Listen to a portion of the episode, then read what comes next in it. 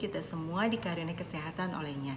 Dengan Nikan Tante Sudarmono di sini mengucapkan terima kasih atas kesediaannya mendengarkan YouTube-YouTube saya. Kali ini saya akan membahas mengenai buah kalau sebelumnya saya sudah pernah membahas mengenai sayur, sebaiknya sayur adalah yang rendah oksalat dan rendah karbohidrat. Nah, berikut ini saya sampaikan beberapa pernyataan yang hadir ke saya yang berhubungan dengan buah. Um, saya makan manis hanya dari buah, fruktosa bukan glukosa ya. Jadi dia mengatakan kalau buah itu adalah fruktosa bukan glukosa jadi boleh dong saya makan buah. Lalu ada pernyataan berikutnya lagi, kok bisa ya numpuk toksin karena banyak makan sayur dan buah? Bukankah sayur dan buah itu sumber vitamin? Nah, saya akan bahas di sini betul atau tidak semuanya kita lihat ya.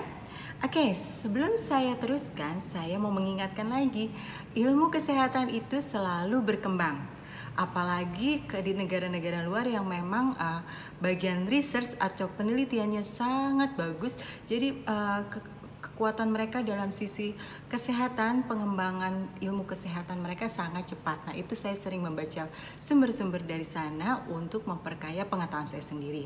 Nah, di sini saya coba bagikan. Jadi, salah satu yang uh, apa ya terbaru dalam ilmu kesehatan mengatakan bahwa kita penyakit yang kita derita ini bukan penyakit semalam. Jadi ini adalah akibat yang kita lakukan 5 atau 10 tahun atau 15 tahun ke belakang. Jadi tidak ada yang bisa mengatakan kalau aduh saya pusing. Lalu kita tidak bisa tahu oh ini pusingnya karena ini enggak tapi sebetulnya itu adalah mungkin penumpukan toksin, mungkin karena inflamasi dan segala macam. Ya, itu adalah uh, salah satu paradigma yang terbaru di dunia kesehatan. Juga yang patut diingat adalah kita di sini disebut dengan functional medicine di mana kita mencari akarnya. Ya, misalnya sakit kepala pakai Panadol sembuh, tapi kita selama tidak mencari kenapa. Ingat, Kenapa sakit kepala? Suatu saat penyakit itu akan muncul lagi, bisa dalam bentuk sakit kepala atau mungkin sudah menjadi bentuk yang lain. Karena apa? Karena akar masalah sakit kepala itu tidak kita cari dan kita sembuhkan.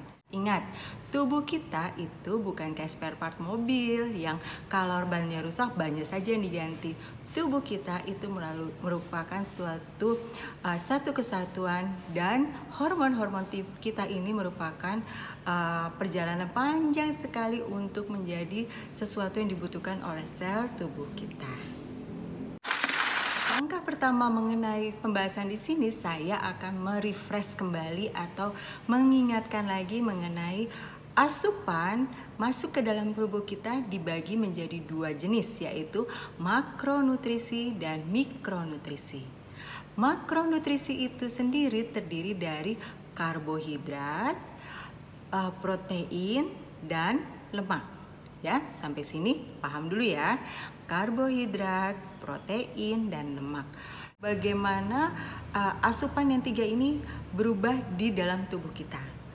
Kalau karbohidrat di dalam tubuh kita akan berubah menjadi glukosa. Ingat, glukosa. Sedangkan kalau protein di dalam tubuh kita akan berubah menjadi asam amino. Tapi kalau berlebih asam amino ini akan berubah lagi menjadi glukosa. Jadi protein uh, end up atau berakhirnya bisa juga menjadi glukosa. Lalu kalau lemak di dalam tubuh kita menjadi asam lemak ya. Jadi pembagian ini adalah kenapa uh, bagaimana dia nanti diolah di dalam tubuh kita dan tubuh kita hanya mengenal tiga yaitu glukosa, asam amino dan asam lemak. Sebelumnya saya iseng dulu masuk ke web web MD dan saya klik pertanyaan apakah buah termasuk karbohidrat? Jawabannya langsung singkat seperti yang terlihat di sini sama-sama. Jawabannya singkat, yes. Mengenai karbo, saya sudah pernah bahas di link ini. Yang secara singkatnya saya jelaskan adalah uh, karbo itu terdiri dari simple karbo, atau simple sugar yang terdiri dari glukosa doang, sukrosa doang, ataupun fruktosa doang. Salah satunya yang kita temukan di buah. Jadi buah itu adalah simple karbo. Lalu juga yang satunya lagi adalah kompleks karbo yaitu atau tepung-tepungan. Bisa aja dari tepung betul-betul grain atau juga sayuran yang mengandung pati atau sat tepung. Nah, Karbohidrat ini di dalam tubuh seperti saya sebutkan dirubah menjadi glukosa.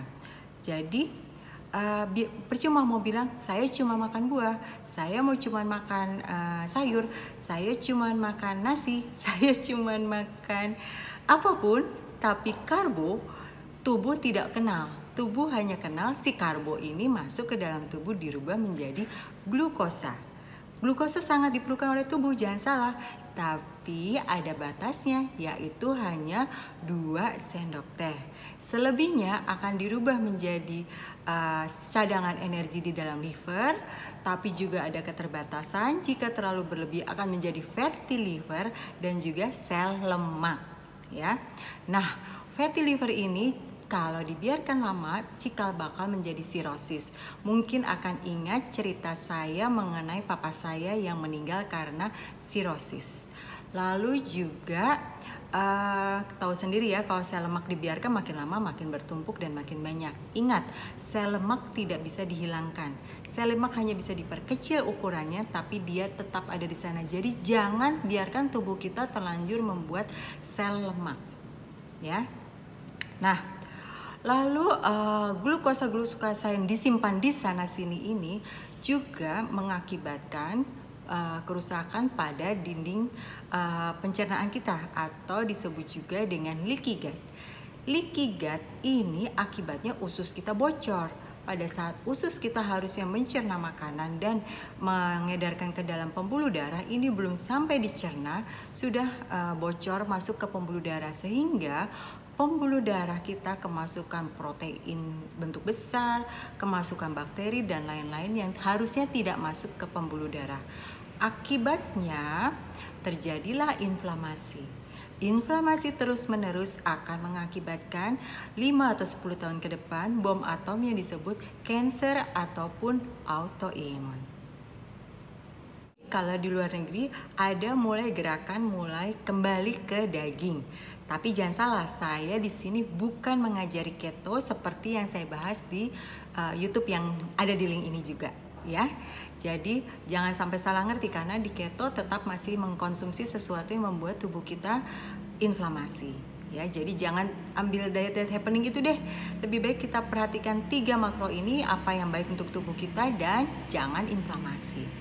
Sekarang saya lanjut ya pergeseran buah dari nutrisi menjadi makronutrisi. Nah, sekarang saya lanjut lagi mengenai mikrobiomi. Ini ilmu baru juga. Tubuh kita sama ini kita tahu terdiri dari sel tubuh. Ternyata sel tubuh ini hanya 30% saja. 70%-nya lagi mikrobiomi. Mikrobiomi ini terdiri dari bakteri baik, bakteri buruk, virus, uh, jamur, protozoa dan juga archaea.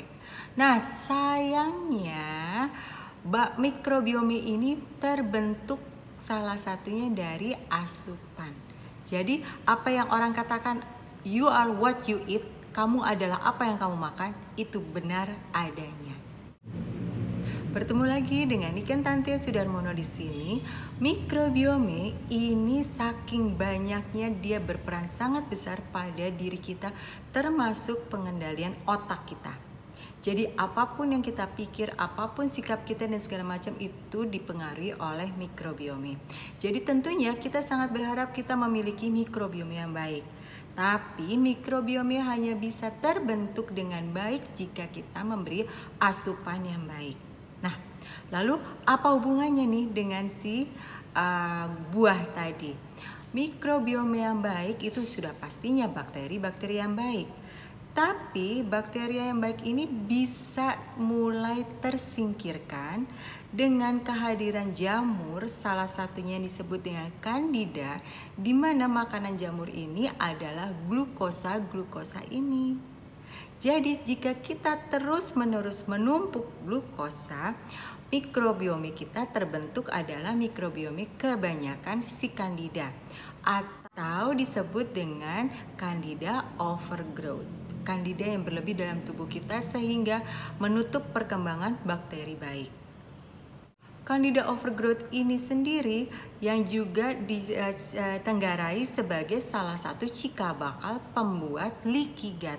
Nah, lagi-lagi leaky gut, leaky gut dibiarkan terus-menerus akan mengakibatkan cancer dan autoimun. Jadi ketemu ya benang merahnya. Nah, tapi hati-hati. Banyak orang bilang, kok begitu saya stop buah nih, saya gatel-gatel ya. Kok setiap saya mulai stop makan sayur atau apa pun yang manis-manis, saya kayaknya nggak cocok deh.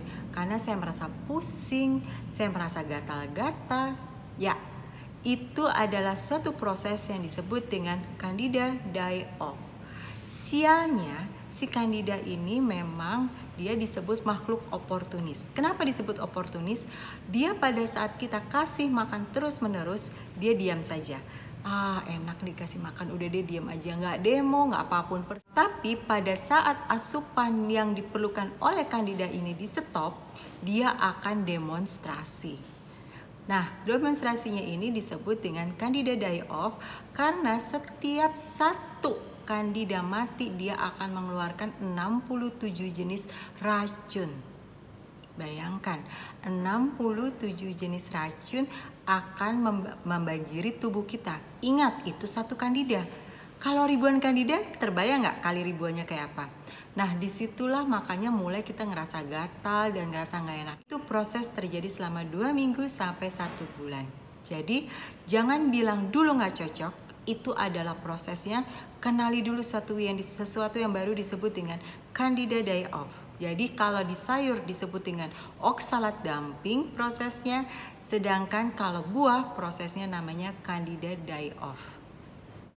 Candida die off bukan karena kita hanya menyetop buah, tapi karena kita menyetop asupan glukosa berlebih kita.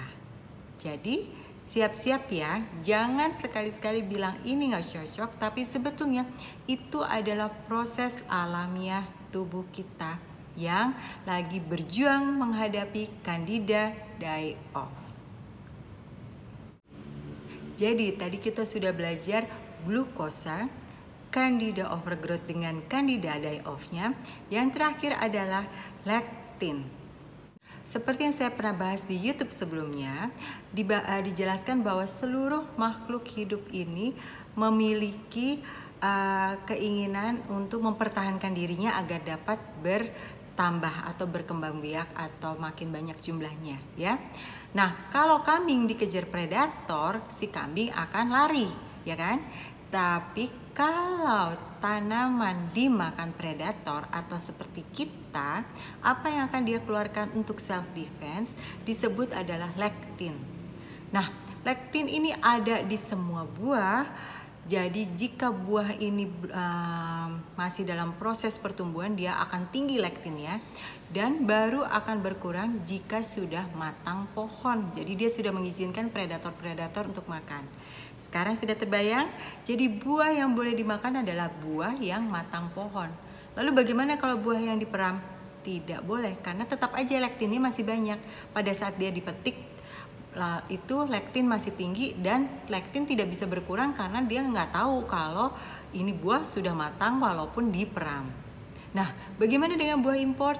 Juga sebaiknya tidak. Karena apa? Karena matangnya adalah matang berdasarkan uh, dulu dulu dulu lalu diproses sampai ke negara kita baru kita makan dalam keadaan sudah matang sama saja lektinnya masih tinggi tumpukan lektin yang tinggi sama seperti tumpukan oksalat dapat mengacaukan hormon tiroid kita dan juga dapat membuat uh, sel-sel uh, kita menjadi oksidatif di mana kalau sel itu oksidatif dia akan menjadi cikal bakal sel yang kanker. Nah, jadi sekarang sudah menjawab ya semuanya bahwa ilmu-ilmu baru ini akan membantu kita terus untuk supaya memperbaiki gaya hidup kita. Jadi, kalau ada uh, pernyataan yang di atas tadi, saya jawabannya adalah apa? Enggak salah. nggak salah ibu. Memang makannya cuman fruktosa bukan glukosa. Nggak salah. Nggak salah juga kalau buah dan uh, sayur ini sumber uh, banyak vitaminnya. Nggak salah. Tapi uh, pada zaman sekarang sudah ada pengembangan dari jawaban-jawaban yang tadi dinyatakan ya. Yuk kita sehat selalu. Terima kasih sudah berkenan mendengarkan. Assalamualaikum warahmatullahi wabarakatuh.